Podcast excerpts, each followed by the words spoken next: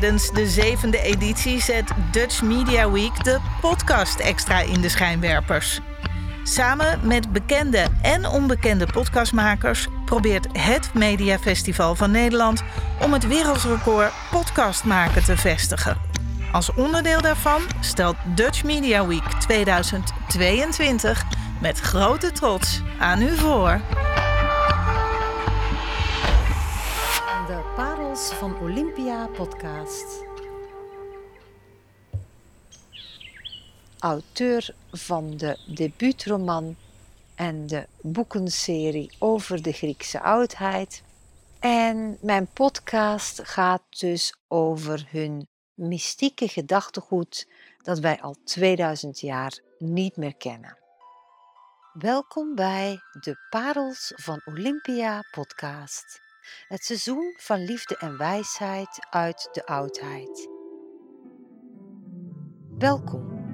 Mijn naam is Erika van der Hart, auteur van de verwachte debuutroman Dionysos, de zoon van de parelduikster. Wat fijn dat je luistert naar deze eigentijdse episodes vol hedendaagse thema's en mystiek voor de moderne mens.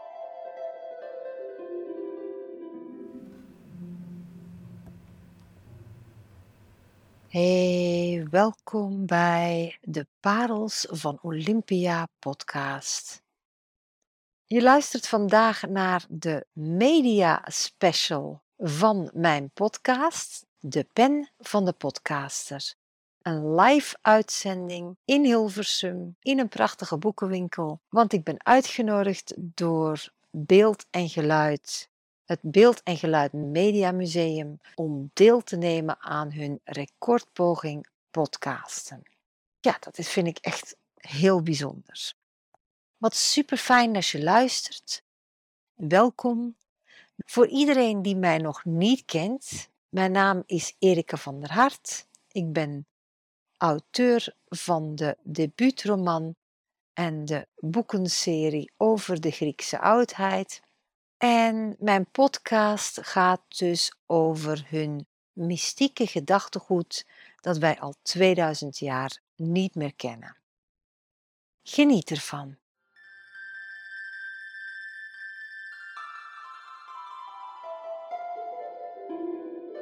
Ja, goedemiddag. Uh, hey, welkom bij de Parels van Olympia podcast. Dankjewel. Um, oh jee. um, ik hoop dat uh, jullie erin slagen om heel veel uh, mensen bij elkaar te krijgen. Want dat, uh, en ja, dat vind ik echt heel bijzonder om hier te zijn.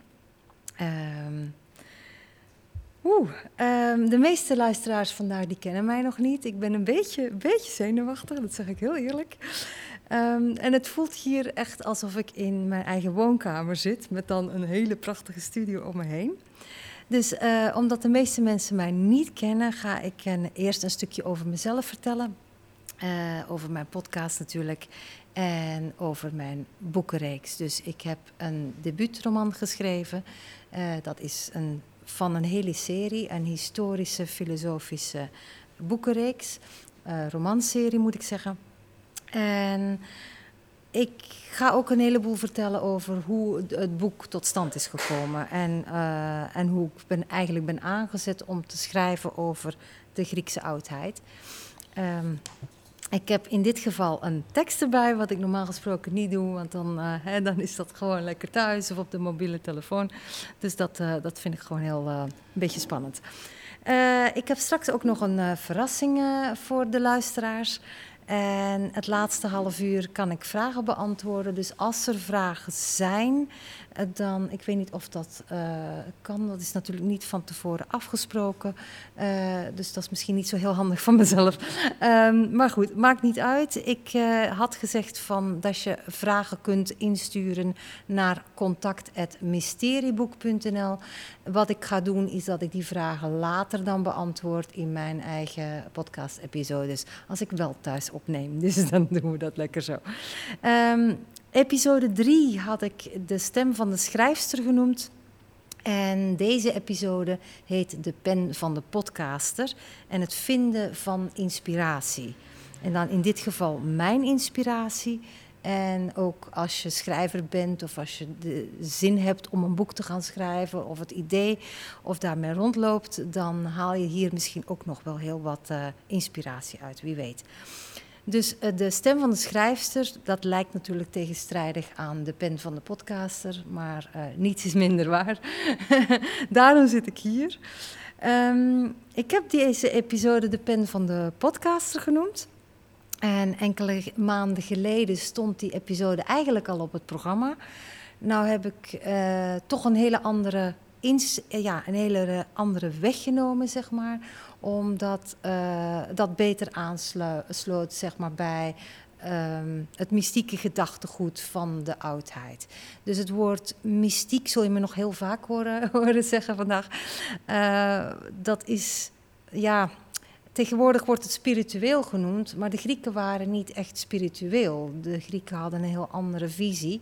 Eh, zeg maar, hè, de filosofie, dat is natuurlijk pas, filosofie is pas echt, mm, echt daadwerkelijk bekend geworden door Socrates en Plato en de, de, de, de mannen die daarna kwamen.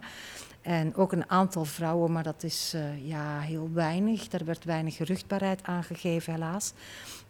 Um, en de tijd van Socrates en Plato, dat is net na Alexander de Grote, dus 350 voor onze jaartelling. En mijn verhaal speelt zich af op Rhodos, met een hele goede reden uh, overigens.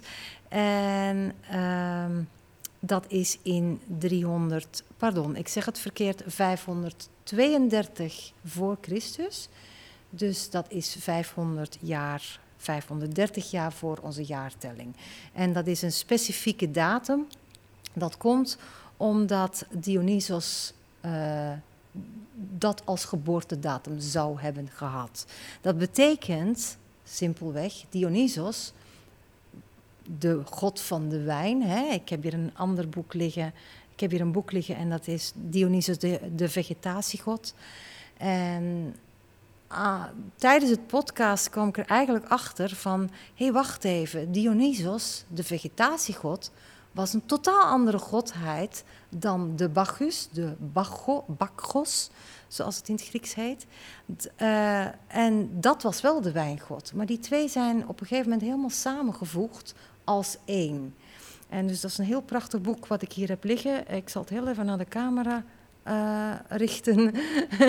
uh, dus Dionysos, de vegetatiegod, een schitterend fotoboek. Het is prachtig geschreven. Het is ook echt mijn, mijn grote naslagwerk, zeg maar. Um, en toen was ik heel even afgeweken van mijn tekst. Dan gaan we heel even terug. Dus ja, wie ben ik eigenlijk? Ik ben Erika van der Hart, auteur. Dat was duidelijk. En van het bouwjaar 1972, jawel, echt waar. ik ben 50 jaar, jawel. Um, ik heb jarenlange fysieke uitdagingen gehad en daardoor ben ik eigenlijk op zoek gegaan naar een heel andere levensinvulling. En een, een groter doel uh, hè, waar ik mijn ziel en zaligheid in kon leggen. Nou, dat is, uh, dat is gelukt met het schrijven en nog een heleboel andere uh, creatieve richtingen die ik ben ingeslagen. En sinds februari heb ik dus nu ook een podcast. En ja, doorzettingsvermogen, dat is ongeveer my middle name, zeg maar, hè, op zijn Engels gezegd.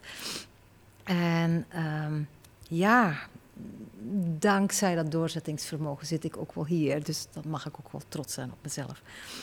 Um, het is een. Dit podcastavontuur is ook wel echt wel een, een, een, ja, een zoektocht geweest naar mijn stem, een persoonlijke zoektocht. Het was ook best wel een, uh, een dingetje om ermee te beginnen.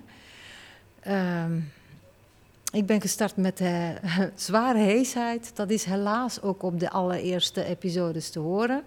Sommige mensen vinden van niet, maar uh, lang leven de, de special effects, zeg maar. Um, dat, uh, dus ja, dat moet je letterlijk zien, dat het echt een zoektocht was naar mijn eigen stem. En ik ben ook aan het zoeken geweest van, oh ja, wat werkt wel voor mij, wat werkt niet voor mij.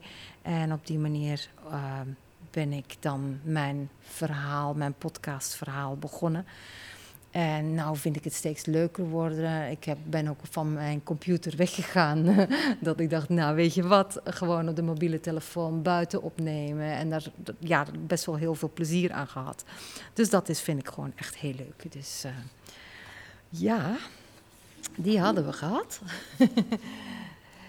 Uh, en dan over mijn boek, want je vraagt je waarschijnlijk af van, uh, ja, hoe is het nou allemaal ontstaan? Hoe is mijn boekenreeks tot stand gekomen? Um, in 2014 ben ik begonnen met het schrijven aan deze boekenreeks. Dus uh, er kwam een mogelijkheid voorbij om deel te nemen aan een schrijfwedstrijd. Een fantasy schrijfwedstrijd met name. Um, daar had ik vaker aan deelgenomen aan dit soort wedstrijden. En het nadeel daarvan is, is dat het aan de ene kant is dat echt gewoon geweldig, want het is prachtig een oefenveld. Hè, en uh, alleen is het zo dat als het verhaal niet in de smaak valt, en dat is helaas heel vaak zo, als je dus niet op de shortlist komt te staan, als je niet wordt uitgekozen als een van de verhalen die die aanspreken, die in de smaak vallen, ja, dan word je door één jurylid, eh, één jurylid beoordeeld en dat is het. En dat was niet zo gunstig en ja, het verhaal viel totaal niet in de smaak. Dus dat vond ik echt heel, heel erg jammer. En het was een wedstrijd voor een verkorte novelle. Uh, en die verkorte novelle kreeg ik niet vol. Dus dat was, oh, oké, nou ja, jammer, oké, uh, het verhaal viel niet in de smaak, dat was een teleurstelling. Weet je wat, ik ga toch die verkorte novelle proberen uit te breiden. Dat dat toch die, uh, moet ik het even goed zeggen, 75.000 woorden volgens mij uit mijn hoofd. Dat is een dun boek, zeg maar een, ja, een roman, een hele dunne roman van ongeveer, ja, wat zal het zijn, 50 pagina's. Maar ik kreeg hem niet vol. Het verhaal wilde niet van de grond komen. Dus ik moest het eigenlijk uh, laten rijpen als een goede wijn. en ik heb het natuurlijk al gezegd. Ik schrijf over Dionysos, hè, de wijngod, de vegetatiegod in, in mijn visie. Dus, uh, en in 2014 gebeurde er nog iets anders, heel wonderlijks eigenlijk. Ik, ik denk dat je misschien wel uh, het verhaal kent van de Twilight-serie van, uh, dat de schrijfster dus een, een, een, spectaculaire droom had. Die is ook in de boeken gekomen, die is ook in die filmserie gekomen. En dat gebeurde mij ook. Ik kreeg een spectaculaire, filmische, duistere droom. Doodeng. En daaruit is mijn hele verhaal eigenlijk voortgekomen. Dus ik ben eigenlijk achterwaarts gaan schrijven, dus omgekeerd. Dus ik ben eigenlijk bij het einde begonnen en ik ben helemaal teruggegaan naar het begin. Wie waren zijn vrienden? Uh, waar leefde hij? Uh, wie was zijn moeder? Wie was zijn vader? En zo op die manier. En zo is dat hele verhaal dus eigenlijk achterwaarts geschreven. En ik hoefde die droom alleen maar op te schrijven. En dat heb ik ook gedaan. Dat is ook het stukje wat in die verkorte novelle zat. Maar ja, desondanks vond het niks. Nou, prima, kan gebeuren. Um, maar wat gebeurde? Wat ik zei, die novelle kreeg ik niet vol. Dus ik moest het eigenlijk ook gewoon parkeren van... oké, laat maar. Prima, dat is alweer bijna acht jaar geleden. Uh, nou, weet je wat, het gaat in de koelkast, hè, het gaat op de virtuele boekenplank. Laat maar, het is goed, het is klaar, het is goed. En op een gegeven moment, volgens mij had ik toen dat boek al, weet ik niet helemaal zeker, maar in ieder geval kwam het verhaal weer terug in mijn uh, gedachten in ergens in 2017. Dus drie jaar later. En toen had ik twee keuzes. Het verhaal voor eeuwig begraven of het van de virtuele boekenplank aftrekken en weer opnieuw het contract met mijn inspiratie verlengen voor onbepaalde duur. Dus ik ben met haar om de tafel gaan zitten, het is een zij, en uh, gezegd van, uh, nou, ik ga, er, eh, ik ga er weer voor. Dus geef me maar de inspiratie om er wat moois van te maken. en dat is dus voorlopig, dus dat is inmiddels uitgegroeid tot een heuse boekenserie van uh, minimaal zes en maximaal acht delen. Flink kaliber. dus um, ja, dat is het eigenlijk, uh, wat, er eigenlijk wat er allemaal gebeurd is. En dan vraag je misschien af, ja, maar waar gaat je boek dan nou over? Nou, dat, uh, dat wil ik dan nu heel even presenteren. Ik ga dat wel even voorlezen, want dat is wat makkelijker. De jonge Dionysos, de halfgod van wijn en euforie, is de onwettige zoon van de oppergod Zeus. Ver weg van de Olympos groeit de kleine jongen in vrede op bij zijn moeder, die hem het, het edele vak van parelduiken leert. Wanneer Dion op 16-jarige leeftijd in de tempel van de godin van de liefde gaat studeren, wordt hij ondergedompeld bijna letterlijk in de wereld van wijsheid en mystiek. Met zijn verrassende puurheid en zijn buitengewone betrokkenheid trekt hij al gauw de aandacht van de hoge priester, die hem met een hele goede reden overigens onder zijn hoede wil nemen. Toch blijft Dion het liefste solo varen en tussen de tempelregels doorlaveren, maar uiteindelijk zal hij de leiding van zijn mentor wel moeten accepteren, want doet hij dat niet, dan moet hij de tempel verlaten. En zijn nieuwe vrienden erbij. En ja, dat wil hij natuurlijk niet. Maar helaas is niet iedereen hem gunstig gezind. En niemand kan ooit vermoeden welk noodlot Dion boven het hoofd hangt. Of toch wel? En kan een onschuldig ogend incident zijn toekomst zo desastreus bepalen dat alle hoop op beterschap voor, voorgoed vervlogen is? Voorgoed vervlogen is. Wat gaan de goden hieraan doen? Kronos, de tijd zal het ons leren.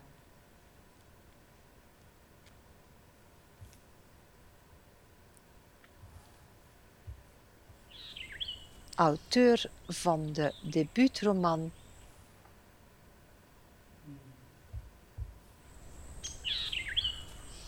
Welkom, mijn naam is Erika van der Hart, verteller van het Tempelhoorspel en de auteur van de verwachte debuutroman Dionysos, de zoon van de parelduikster.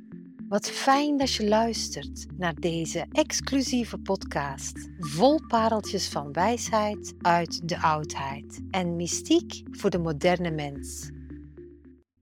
In acht danswassen neem ik jou mee in de belevingswereld van Dionysos, de zoon van de parelduikster.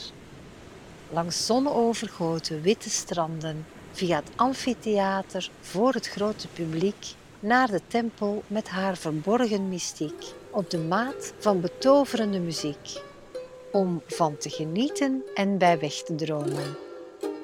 We gaan van buiten naar binnen, van theatertragedie naar tempelmysterie. Het is mijn intentie om jou steeds weer te verrassen en te inspireren. Geniet ervan.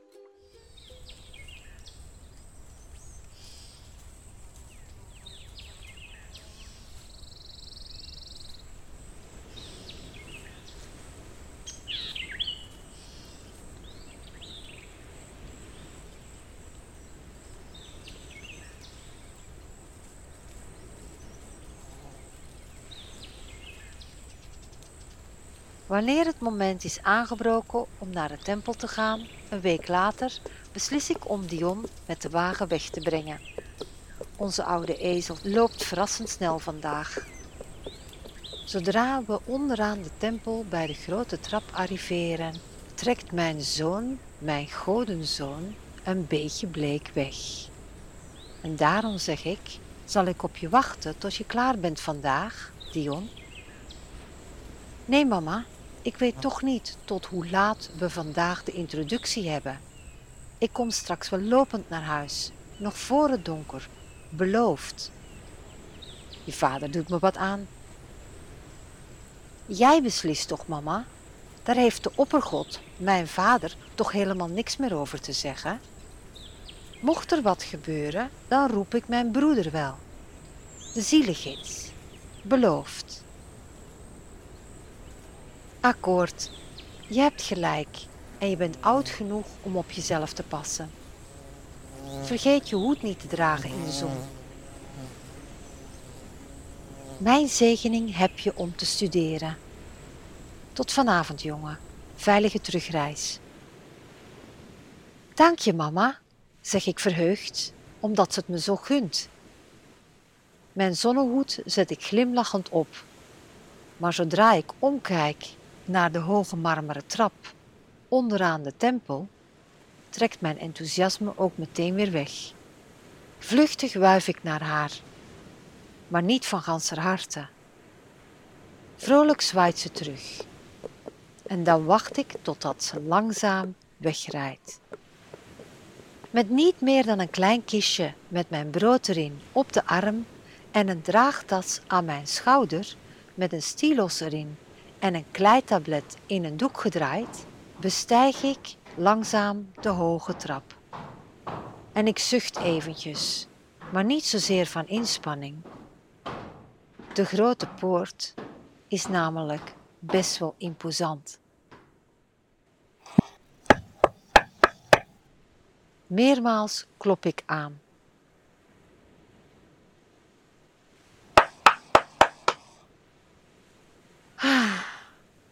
Is daar iemand? Wat me bevreemdt is dat er niemand aanwezig is om me te verwelkomen. En het duurt lang voordat er iemand reageert. Dus ik vraag me af of ik misschien de verkeerde ingang heb genomen.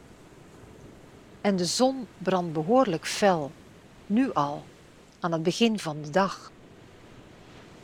Ook al sta ik dan deels in de schaduw van de ranke tempelzaal. En dan wordt er plots toch een smal luikje brusk opengetrokken om te zien wie er aanklopt. Wie ben je? Zijn gelaat blijft verscholen in de schaduw en maakt hem lastig zichtbaar. Pardon, ik denk dat ik de verkeerde ingang heb genomen. Ik ben een nieuwe student voor tempeldanser. Onvriendelijk zegt hij: Wat is het wachtwoord? Wat bedoelt u daarmee? Dat weet ik niet. Ik ben een nieuwe student. Een wachtwoord is een geheime boodschap die aantoont dat je bent wie je beweert te zijn en dat je goede bedoelingen hebt. Oh, ik heb geen wachtwoord gekregen. Mijn moeder heeft me hier zojuist afgezet met de wagen en ze is net vertrokken. En wie is je moeder dan? En zet je hoed af. Ik moet je gezicht kunnen zien. Vlug zet ik mijn rieten hoed af en zeg: Pardon, de parelduikster. Deze armband heb ik van haar gekregen. Mooi, vindt u niet? Enthousiast toon ik hem de armband aan mijn pols. De glanzende, roomkleurige parels vormen een opvallend rijkelijk contrast met mijn intens donkere huid. Maar laatdunkend alsof ik klinkklare onzin vertel, zegt hij: De parelduikster nog wel. Kent u haar? Ze is wijd en zijd bekend op het eiland. Nee, ik ken geen knappe dames die naar parels duiken. Probeer je me iets op de mouw te spelden, jongeman? Hij gelooft me niet. Dan moet ik bluffen. Zoekt u nog een stijlvolle fibula voor uw mantel? Het is er nu te heet voor, maar voor in de winter wellicht. Wat? Kom je soms aan de tempeldeur mantelspelden verkopen? Nee, pardon, helemaal niet. Ik sta blijkbaar aan de verkeerde poort. Op neutrale toon antwoordt hij: Niet als je het wachtwoord kent. Nogal teleurgesteld kijk ik op. Dat kan ik me niet herinneren. Het is blijkbaar lastiger dan gedacht om de tempel te betreden. En omdat ik niet de indruk wil wekken dat ik dom ben of gehaaid, kijk ik de beste man recht aan en geef hem toch mijn meest brede glimlach. Ik zou zweren dat hij er schik in heeft om mij te laten zweten. Maar ik geef echt niet zo snel op hoor. De hoge priesteres en Artemis waren bij mijn geboorte aanwezig. De hoge priesteres nog wel. Werkelijk, je kletst uit je nek. De godin Artemis verschijnt uitsluitend als het om een geboorte van hoge afkomst gaat.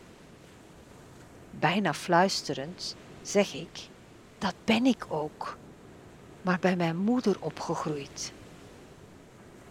Ze heeft me alles geleerd van ons edele vak.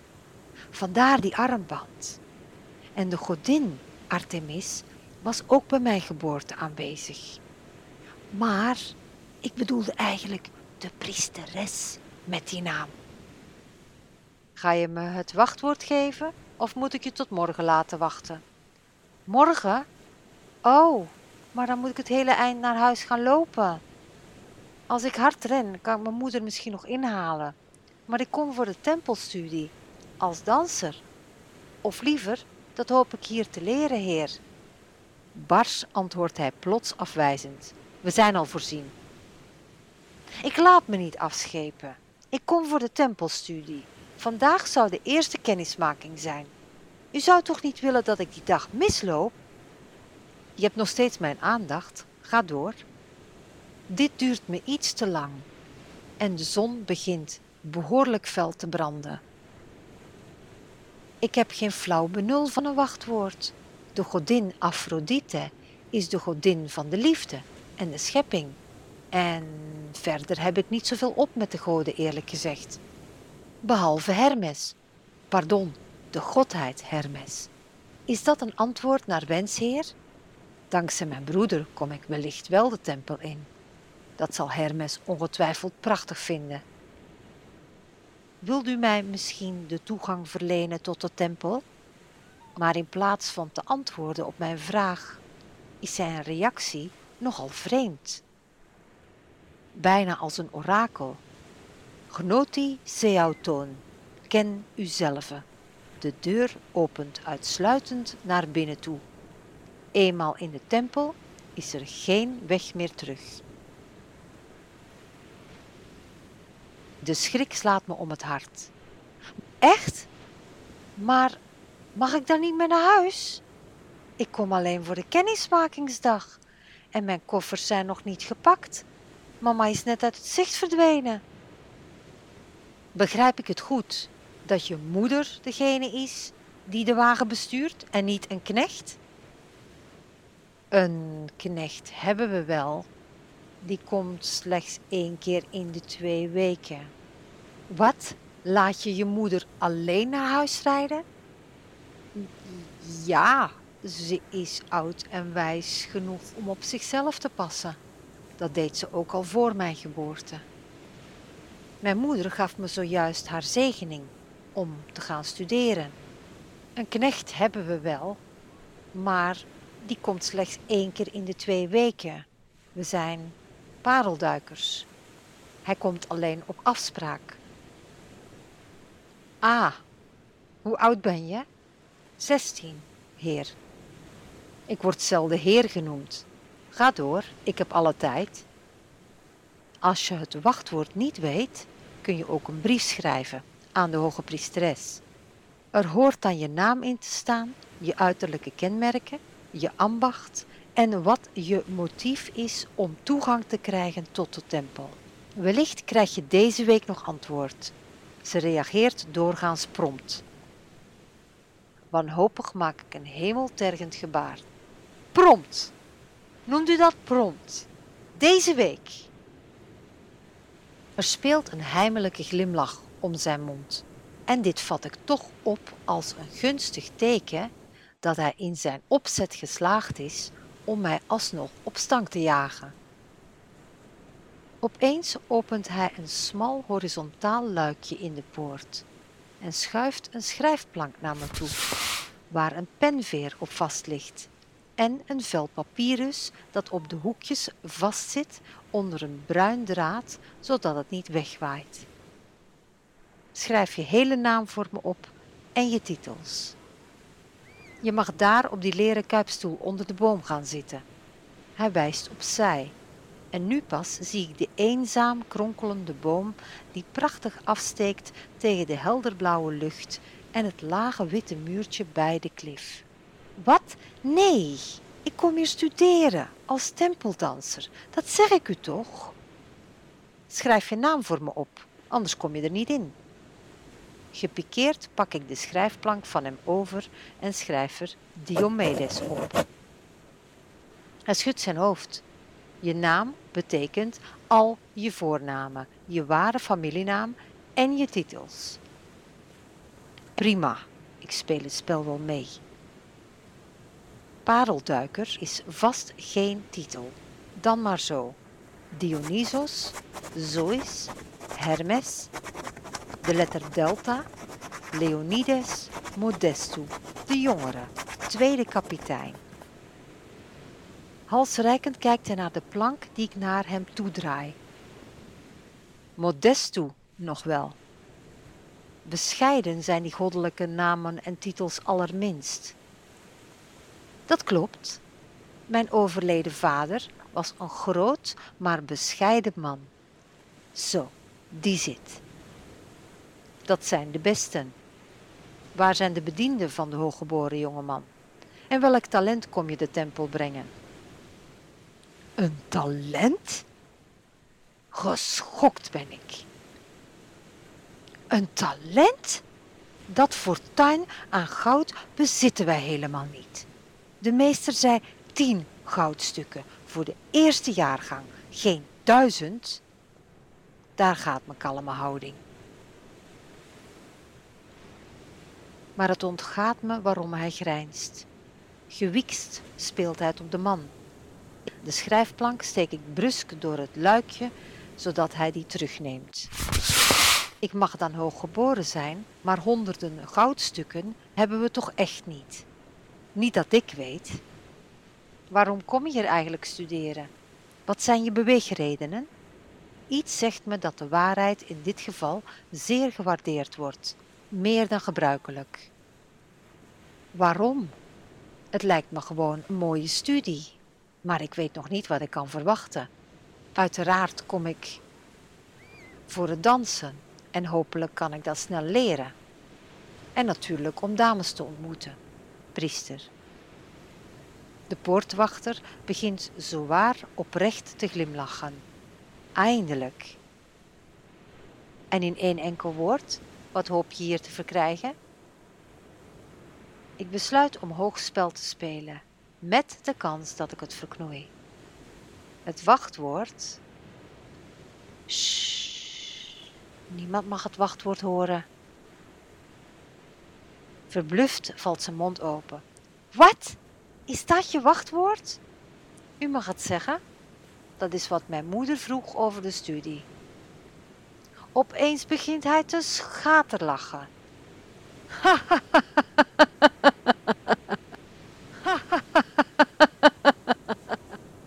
maar ik blijf hem strak aankijken, ook al kan ik zijn gezicht nog steeds niet goed onderscheiden.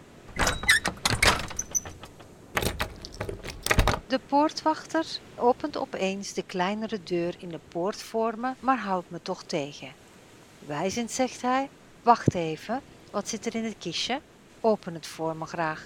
Hij wijst naar de lus aan mijn schouder. En in je schoudertas, jongeman, mijn stilos en kleitablet, zodat ik kan noteren wat de lessen inhouden.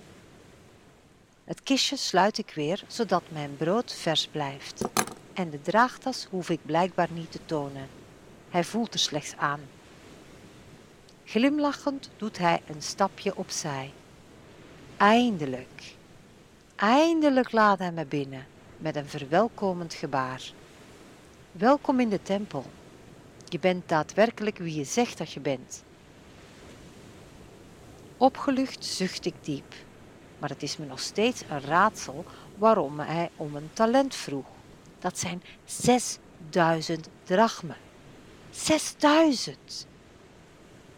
Dank u, dat zal ze grandioos vinden.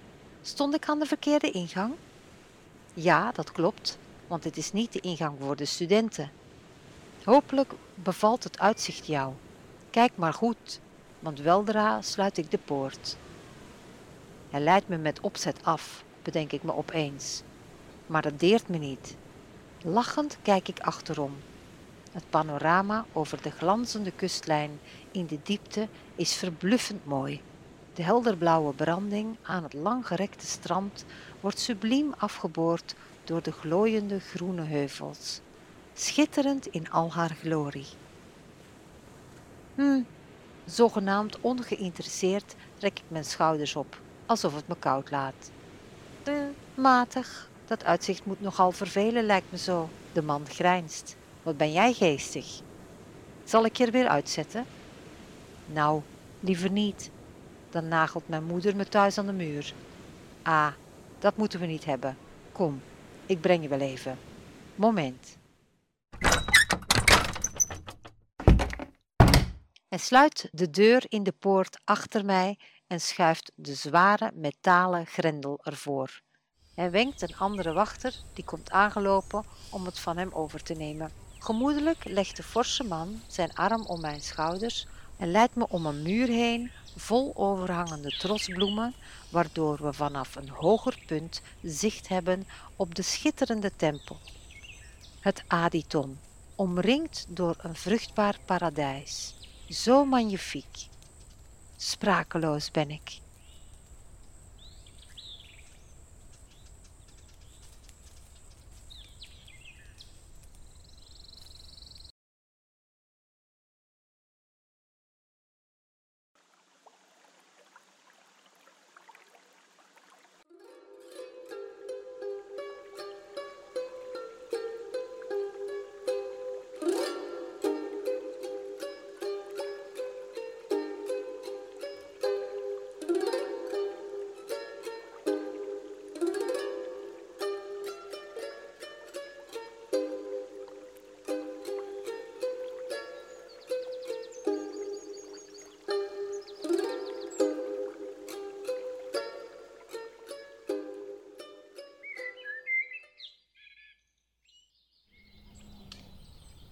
De wereld begint te ontwaken en het belooft een hete dag te worden. En daar staan we dan, met z'n allen bij de tempelpoort, te wachten tot deze geopend wordt en de priesters en priesteressen naar buiten komen in hun rijkelijke gewaden. Met de hoge priester en natuurlijk de hoge priesteres voorop. Eventjes is het helemaal stil. Maar dan begint iedereen te juichen zodra de muziek gaat spelen.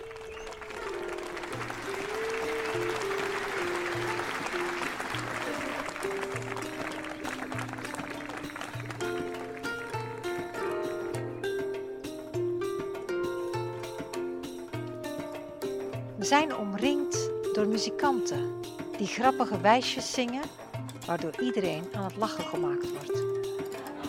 En alle mensen zijn vervuld van enthousiasme en blijdschap en het straalt er vanaf.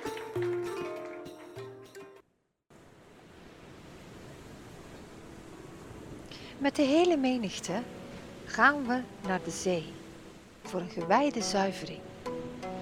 Die doen we op de plek waar de godin Aphrodite aan land is gekomen.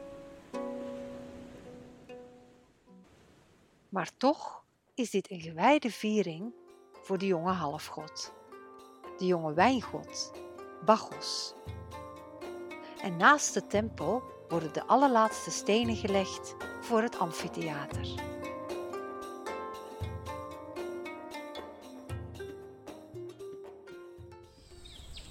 Dankjewel voor het luisteren. Wil je meer weten over het hoorspel? Ga dan naar mysterieboek.nl mysterieboek.nl En heel veel luisterplezier. Dit is een uitzending vol verwondering met de zegening van de godin, want zij geeft ons leven betekenis en zin. Dankjewel voor het luisteren en heel graag tot ziens. Ja, daar zijn we weer. Wat, uh, ik hoop dat jullie ervan genoten hebben. Ik hoop dat je er echt van genoten hebt. Dit is een primeur. Ik heb een uh, klein stukje van het boek uh, als hoorspel ingesproken. de rest blijft nog even geheim. Want het is zo als je een boek gaat uitgeven, of je het nou in eigen beheer doet of bij een uitgever, moet het een geheim en dus ook een uniek project zijn. Want anders dan wordt het niet uitgegeven en dan wordt het ook niet gezien als een uniek project, omdat het al online staat of dat soort dingen. Dus ik ben een beetje voorzichtig en een beetje huiverig geweest om dit te delen. Maar ik kon het toch niet laten om de eerste eh, stappen naar de tempel eh, van mijn hoofdpersonage uh, toch alvast te verbeelden in woorden. Um, ja, ik ben heel benieuwd. Wat vond je ervan? Ik heb natuurlijk als technicus heb ik mee zitten luisteren. Ja, precies. ik vind het bovenal heel erg knap hoe je het hebt gemaakt. Dank je. Ja. Uh, mag ik je vragen, hoe, hoe heb je dit gemaakt? Uh, Want er komen zoveel geluiden en, en jouw stem komt allemaal samen natuurlijk. ik ik heb de, de knop naar uh, mijn uh, geluidsprogramma gevonden.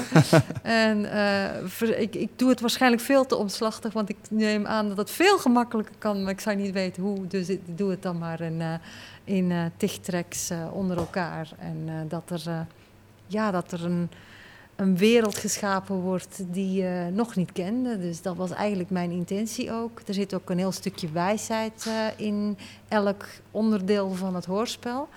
Het is de bedoeling dat er acht uh, boekfragmenten in het hoorspel komen.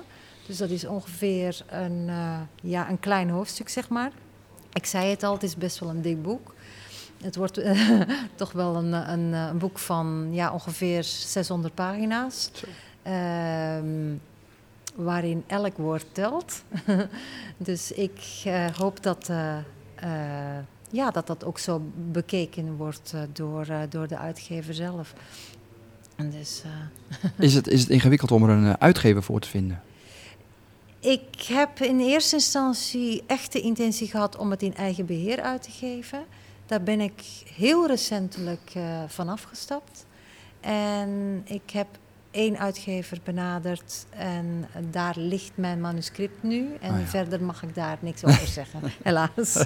dus het blijft een, uh, een mysterie, het blijft een geheim.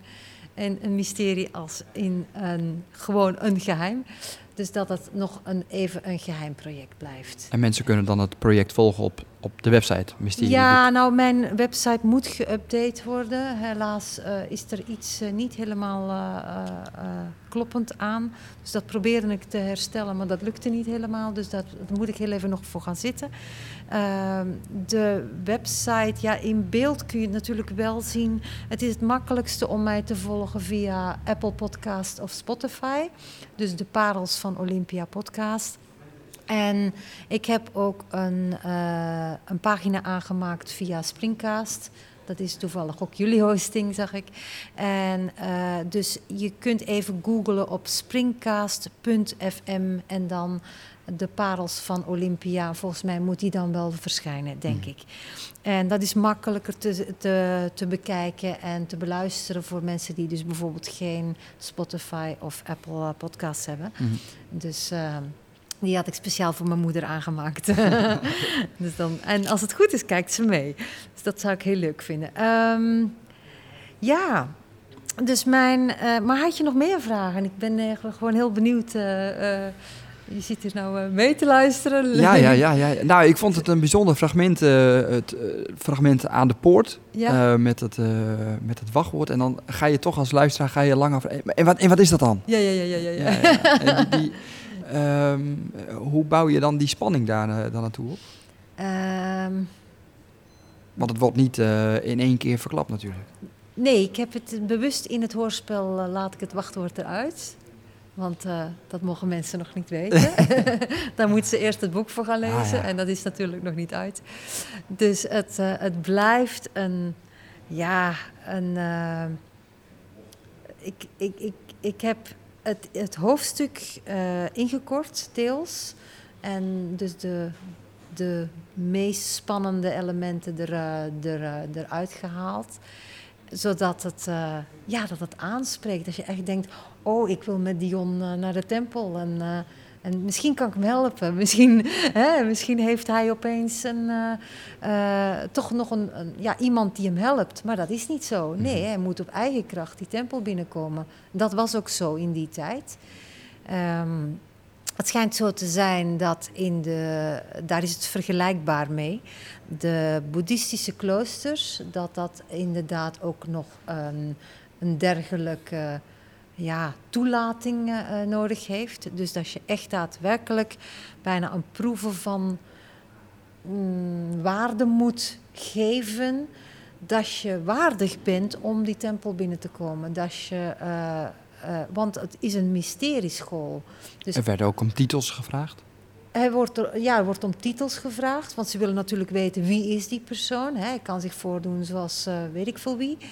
En ehm, dus eh, in mijn verhaal zet Dion zijn volledige eh, namen. Hij is de zoon van de oppergod. Hij heeft een sterfelijke moeder. Dus eh, net zoals de, ja, de halfgod Dionysos, de Bacchus. En dus de zoon van de oppergod, ja, dat is niet de minste. Die heb je dan zo meteen in je tempel, hè, als student erbij. Dus dat is, ja, dat is eigenlijk het hele... eh, ja. En is het, is het nou spannend voor je? Want je zei, ik heb eh, eh, het boek, heb ik opgestuurd, naar, of Ja. het manuscript heb ik opgestuurd, opgestuurd naar, een, naar een uitgever. Nee, ik ben het gaan langsbrengen. Oh, je bent gaan langsbrengen? Ja, ik heb het laten uitprinten bij een, Ja. een, een, een, professionele printshop. Ah ja. En, daar, en dan dezelfde dag nog eh, op, een, op een hele, hele, hele hete dag. Dus ik kon stomend en Maar dat moet toch een heel spannend moment Dat is eh, het zijn, ook toch? geweest. Maar het is ook tegelijkertijd een, een fantastische afronding van een project waar ik vijf jaar aan gewerkt heb. Ja. Dus dat is, dat is, gewoon, ja, dat is gewoon heel boeiend. En eh, dat, maakt het, dat maakt het ook zo bijzonder eigenlijk. Dus het is, een, het is echt een afronding. En nu ligt het daar en ik ga het zien. Ik, eh, ik weet het niet. Ja. Maar dan gaat, het, gaat iemand het lezen en dan kan het eh, ook zo zijn dat iemand zegt, nou, met, met deze en deze aanpassingen zouden we het eh, wel willen. Ik, ik ga daar geen uitspraken Ah, over doen. Ik weet het niet. Ik heb een hele prachtige bevestigingsbrief gekregen. en als ze meeluisteren, want ik heb een uitnodiging, ben ik ook gaan langsbrengen. Als ze meeluisteren, dat hoop ik. Dan, ja, ik ga het zien. Ja. Ik ga daar geen uitspraken over doen. Dat is nou eenmaal het... eh, ik, wat ik zeg, ik had de keuze kunnen maken om eigen beheer. Maar dan is de kans groot dat mijn boek niet in een boekhandel komt te liggen. Waar zitten- we nu zitten. Waar we nu zitten, Ja. dat vind ik gewoon geweldig. Ja. Dus het voelt ook een beetje als een, een hele chique eh, woonkamer. en al die boeken die hier staan, die wil ik wel hoor. dus eh, ja. Dus, ehm, en waar het. bedoel, ik ben, ben in totaal vijf jaar aan het schrijven geweest. Dat is, eh, vorig jaar heb ik een, een heel pittig redacteursgesprek gehad. Ik wist dat ze me ter, ter plekke zou fileren, zoals eh, de dame die me gewaarschuwd had al had gezegd. Van, eh, oh, als je met haar een eh, gesprek hebt, eh, oh, maak je borst maar nat. want dat is, het is een, een pittige dame. Ik denk van, oké, weet je, helemaal goed, ik ga het zien. En dat was nogal overrompelend. Ze gaf me hele goede aanwijzingen. En er waren twee aanwijzingen die ik opzij gelegd heb als haar mening. En de persoon die ehm, mijn redigeerwerk heeft gedaan, dat heeft ze fantastisch professioneel gedaan. Ze zei ook van nou, de manier waarop je de mensen voorstelt in je boek vind ik helemaal niet saai. En de, de redactrice ging ervan uit dat een bepaalde manier van voorstellen, de, de bijpersonages, als je die gaat voorstellen, dat dat dan saai zou kunnen zijn. Maar mijn, mijn ehm, professionele tekstdame, zeg ik het maar even, op die manier, die zei ook van nee, ik vind het totaal niet saai. Het is juist heel gevarieerd en boeiend. En eh, dus, de, dus twee aanwijzingen van de redactrice heb ik opzij gelegd. Van nee, dat is echt haar mening. En de rest, de vier andere aanwijzingen, heb ik grotendeels opgevolgd. En eentje daarvan heeft me een jaar herschrijven gekost. Zo. Ja, dat hoort er ook bij. Maar dat zijn wel eh, hele ingrijpende dingen die ja, je dan klopt. Dat hoort er nou eenmaal bij. Schrijven is eh, ook schrappen en is ook herschrijven. Dat wist ik. Dat het zo lang zou duren, dat wist ik niet. Het is een hele boekenserie. Het is een hele romanreeks. Dat betekent als ik in boek 1 een aanpassing doe die, ehm, die ook in boek 2 komt. Het en is een soort domino-effect. Ja, klopt. Je moet in boek 1 aanpassen. Dus dan moet het ook in boek 2 en in boek 3 en in boek 4, 5, 6, 7, 8. Dat hoort er nou eenmaal bij. Als ik dat niet meteen doe, dan weet ik niet meer wat ik geschreven heb. en dan gaat het hartstikke mis. Dus dat moet ik niet hebben. Dus ik heb dat dan maar meteen gedaan. Maar dat kost me dan inderdaad een jaar herschrijven. En dankzij de podcast, eh wat ze gaf me de aanwijzing, ze zegt van, er wordt een tegenstander aangekondigd in je verhaal. Maar zit die in je eerste boek? Eh, nee. Hoezo zit hij niet in je eerste boek? Ik zeg nou, dat is heel simpel. De serie is opgedeeld in veel meer delen dan in eerste instantie de bedoeling was. Dus ja, dat was best wel eh, een dingetje. Dus het is eigenlijk allemaal opgeschoven naar boek 2 en boek 3. Ja, nou, dan moet die scène eruit waar je hem, in, eh, waar je hem aankondigt. Of die tegenstander moet in je boek. Oh. Maar dankzij de podcast had ik dus de intentie om dus dat hoorspel eh, eh, al helemaal te gaan eh, uitwerken en opnemen en Mhm. inspreken, bijwerken.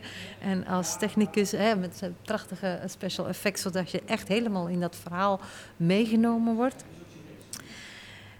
En ik had al een stuk geschreven voor dat hoorspel en dat heb ik helemaal uitgewerkt. Dus wat je zojuist gehoord hebt, is eigenlijk bijna een begin van het boek. Begin van het verhaal van Dion zelf. En het bijna het einde. Dus een klein stukje van het eh, bijna het einde, zeg maar. Dus voor de epiloog. En dus dat had ik al. Denk, nou, weet je wat, dan ga ik dat uitwerken. En daar kan ik die tegenstander inbrengen. Dus, eh, dus op die manier. Dus het is echt eh, passen en meten. En hoe gaan we dat doen? Ja, Ja. ja, ja, ja. ja, ja. Dus, eh, en ja, weet je, ehm, wat ik zo bijzonder vind, is dat ik alle ruimte, letterlijk en figuurlijk, ik bedoel, eh, ik weet niet of je bekend bent met het boek Big Magic van Elizabeth Gilbert. Ze heeft ook het boek geschreven Eat, Pray, Love. Dat is verfilmd met eh, Julia Roberts. En ehm, de schrijfster van, eh, dus Elizabeth Gilbert, de schrijfster van Big Magic en van Eat, Pray, Love, heeft ehm, een prachtige uitspraak in haar boek gedaan. En dat gaat over de inspiratie die je hebt als mens en die je kunt inzetten en dat je daadwerkelijk met je inspiratie letterlijk bijna om de tafel gaat zitten en een gesprek aangaat. Zo moet je het zien. De Grieken en de Romeinen die gingen uit van het idee: je hebt een genie, je bent geen genie, je hebt een genie. Serieus verschil in, eh, in, eh, in manier van denken, zeg maar. En ze zegt ook van ga met je inspiratie om de tafel zitten en nodig hem of haar uit als hij of zij aan de deur komt kloppen. Want dan kun je zeggen van, goh, dat boekidee, ja, dat is leuk, maar dat spreekt me niet aan. Ik denk dat je toch even, even beter iemand anders kunt zoeken. Dit is niet mijn ding. Of je zegt van, nou, ja, ja, dat lijkt me wel wat. Ja, de Griekse oudheid. Ja, doen we. Gaan we doen. en dus ik heb de ruimte, alle ruimte gegeven aan mijn inspiratie. En opeens kreeg ik van hè, die novelle die ik niet vol kreeg, heb ik het kunnen omzetten naar een boekenreeks die niet lijkt te eindigen, weet je wel. Dus dat blijft komen, dat blijft stromen. Oké, wauw. En daar ben ik nog steeds eigenlijk heel verbaasd over. Maar je moet ook ergens een punt zetten natuurlijk. En dat moet ook, absoluut. Dus daarom is het zo heerlijk dat eigenlijk nu boek 1 is nu klaar. Dat is een afgerond project. Dat ligt bij de uitgever. En wat daaruit komt, dat weet ik niet. Dat, eh, dat gaan we zien. Ik heb met heel veel zorg een uitgever uitgezocht waarvan ik denk dat hun visie mm, heel erg nauw aansluit bij mijn hele ja, denkwijze, zeg Mhm. maar. En hele schrijfwijze. Dus eh, ja.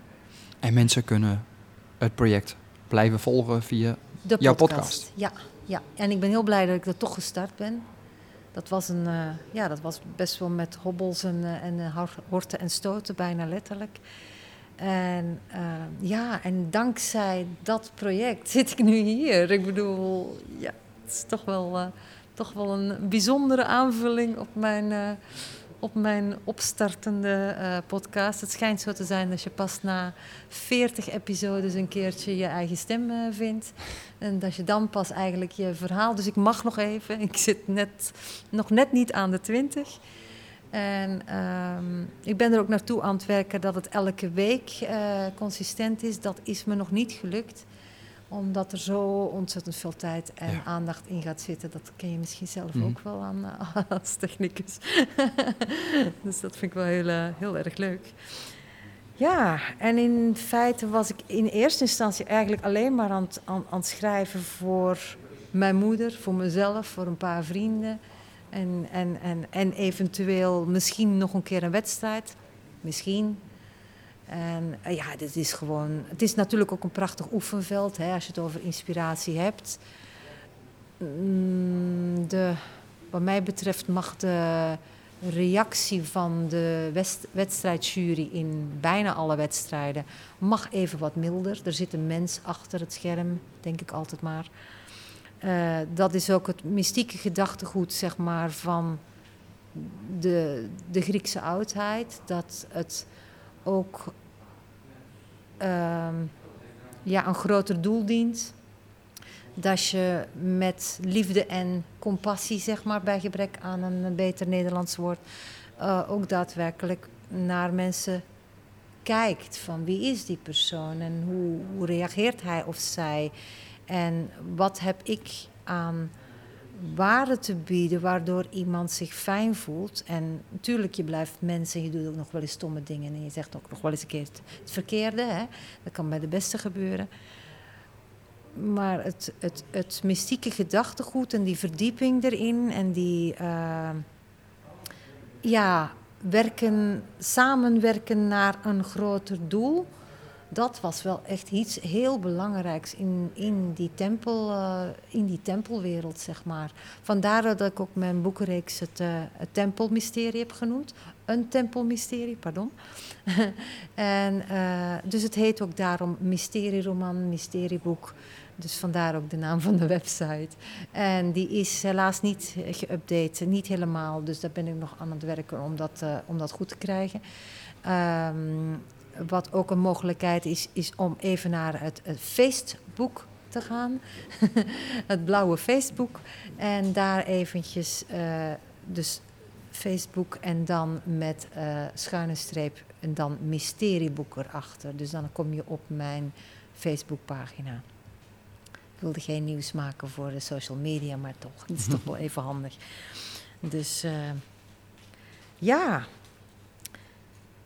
En even kijken hoor. Ehm, ja, en we hechten natuurlijk nog steeds heel veel waarde aan de Griekse oudheid. Hè. Als je naar onze maatschappij kijkt, is eigenlijk een heel groot stuk van onze maatschappij is nog steeds gebaseerd op dat Griekse model. Wij doen eigenlijk nog steeds een heleboel dingen op de Griekse manier. En natuurlijk ook de Romeinse manier. Hè. En heel vaak worden de Romeinen en de Grieken onder één kam geschoren. Moet je niet doen, want dat waren echt uh, vijanden van elkaar.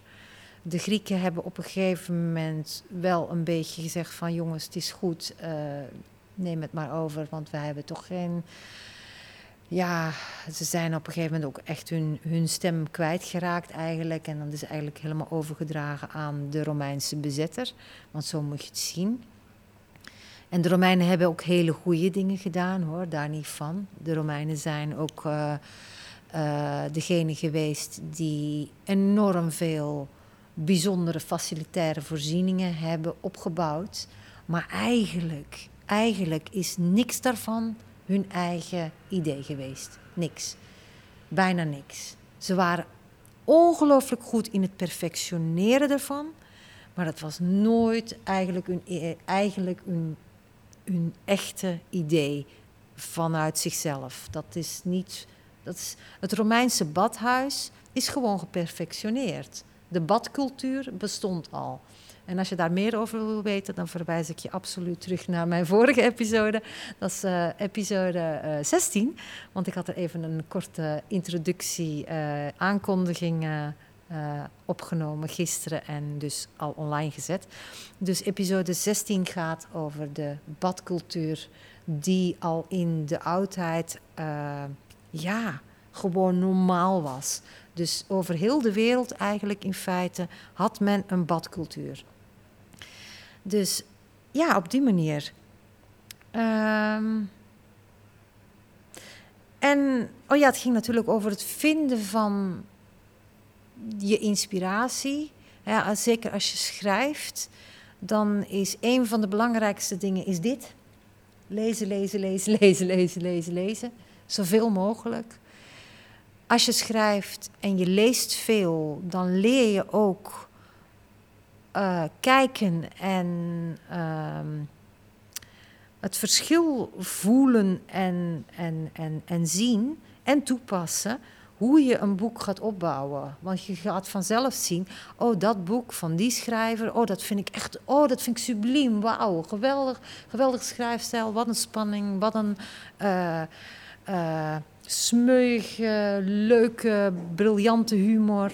Ja, en van anderen denk je, oh, echt, werkelijk. Het mag dan een grote schrijver zijn, maar dan vind ik echt helemaal geen piep aan.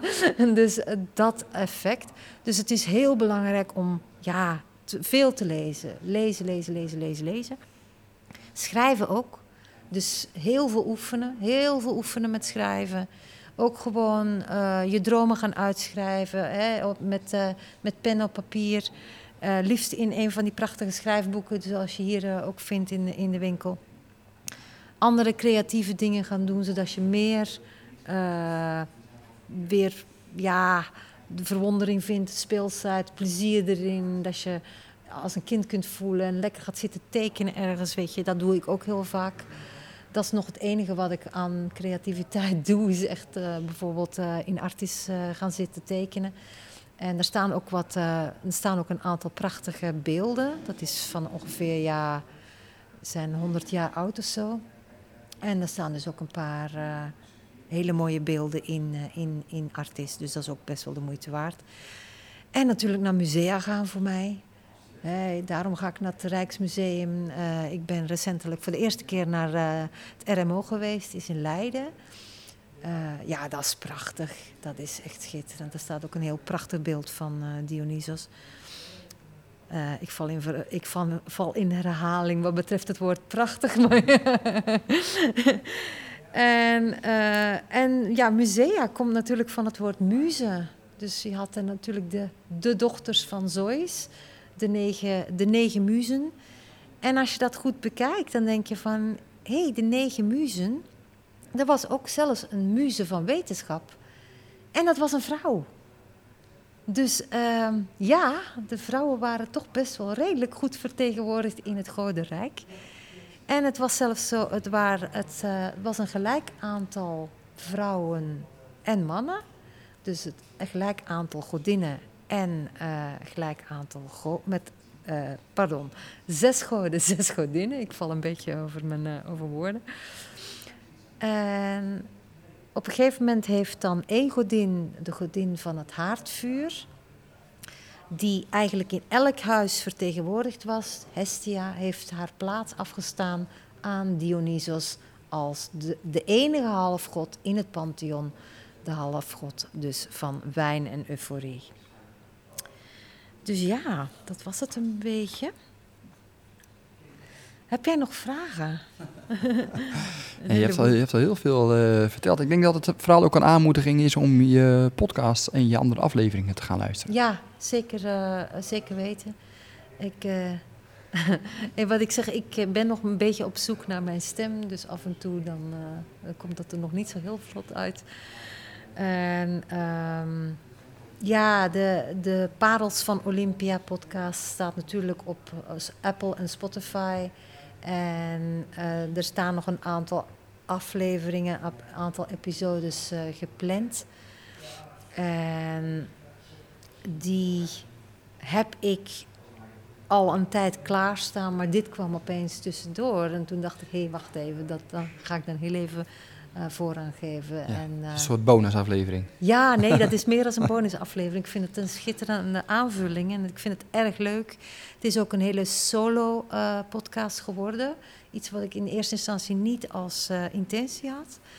En uiteindelijk dacht ik, ja, maar het is ook gewoon wel erg erg goed om gewoon eerst even die, die rust te voelen en die opstart te maken en te kijken van hoe kan ik op een gegeven moment ook interviews gaan doen met mensen die bijvoorbeeld meer weten. Ik heb een hele tijd geleden, dat was eigenlijk een beetje toevallig, was ik in het uh, een kleine museum in Amsterdam uh, voor oudheid, dus het Eller Pearson. En toen raakte ik aan de praat met een, eh, een van de medewerkers daar. En die was bereid om mij een mini-rondleiding te geven. En hij heeft dan best wel wat eh, verteld over het aardewerk, dus keramiek. En dan uh, dus het, het, Griekse aardewerk is natuurlijk volledig uh, gedecoreerd met van die prachtige afbeeldingen. En dat is een heel klein verhaal. Er wordt altijd een verhaal verteld. Dan heb je er staat een verhaal op je schaal.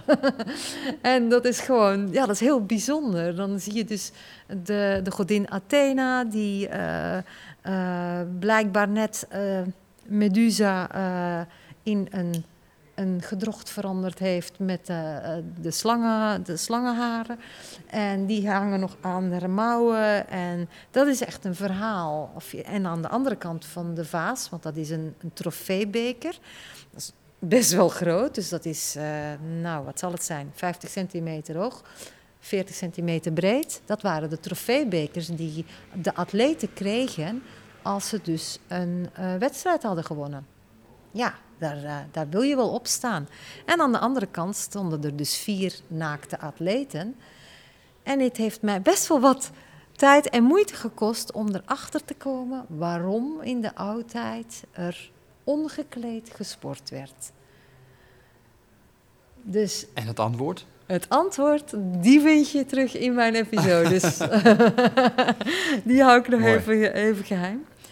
Ja, en, um, en dan ga ik nog heel even terug naar de kunst en de cultuur. Wat ik al zei, hè, het aardewerk. Uh, je had natuurlijk de beelden. De, de beelden die waren um, uh, eigenlijk toegewijd aan de god of aan de godin. Hè, want dat was een afbeelding van die godheid. En liefst zo prachtig mogelijk, dus die schitterende marmeren beelden. En de reden waarom ik het dus op het verhaal op Rhodos laat afspelen, is omdat ik dacht: hé, hey, wacht even. Uh, Cyprus wilde ik eerst doen, viel af, kon ik niet doen kunsthistorisch gezien, taalkundig gezien, was absoluut onmogelijk om het op Cyprus te laten afspelen. En dat komt omdat ze een hele andere invloed hebben gehad van onder andere de Assyriërs en de Sumeriërs. Dus dat zijn de volkeren uit het Midden-Oosten. En dat waren dus statisch, redelijk statische beelden. En dus als je gaat googlen op, uh, gaat internet zoeken op Kouros, dus dat is uh, Kauros, zeg maar, dus K-O-U-R-O-S. Dan vind je vanzelf dat soort vrij statische beelden. En het is eigenlijk pas vanaf mm, 300 voor Christus dat er opeens dynamiek in de, de, de, de beeldende kunst kwam. Dus voor mijn eigen beeldvorming heb ik echt, kon ik Cyprus absoluut niet gebruiken. De taal is lineair B, dat is niet eens het, het Griekse alfabet. Lineair B, dat is een soort van afgeleide van het Fenicisch en het is totaal anders uh, geëvolueerd. Dus daar kon ik helemaal niks mee. Kreta had ik precies hetzelfde. Kon ik ook niet gebruiken. Dus ik dacht, nou weet je wat, doe ik Rhodos. En daar heb ik dan naar zitten zoeken van, klopt het dan dat dat overeenkomt met het de, de cultuuruiting in de streek rondom Athena en Olympia. En dat was dus ook zo. Dus ik heb uiteindelijk dan het verhaal op Rhodos uh, gezet. Dat was het weer voor vandaag. Dankjewel. ik heb nog een outro muziekje voor je, ja, voor je klaarstaan. super. Dankjewel. Ik heb daar een... Uh... Ja, je hebt vandaag geluisterd naar de Parels van Olympia podcast en het vinden van je inspiratie, dus de pen van de podcaster, de media special live uitzending, de muziek die je zo dadelijk uh, uh, erbij gaat uh, halen. Dat is de muziek van ancientliar.com. van Michael Levi. En hij is een virtueuze liermuzikant en ik heb de toestemming om die muziek van hem te gebruiken. Dus uh, heb je nog uh, heb je genoten van deze podcast-episode? Deel hem dan vooral uh, in je eigen netwerk. Dank je wel. Met zoveel mogelijk lieve mensen delen. Dat doe je me heel groot plezier mee. En vergeet je meldingen niet aan te zetten, want ehm, dan hoor je ook, dan krijg je steeds meer eh, informatie natuurlijk, wanneer het boek gaat uitkomen en dat soort dingen allemaal. En ehm, ja, dit is een uitzending vol verwondering met de zegening van de godin. Want ze geeft ons leven betekenis en zin. En ik wens u een hele fijne dag toe. Dank je wel en heel graag tot ziens.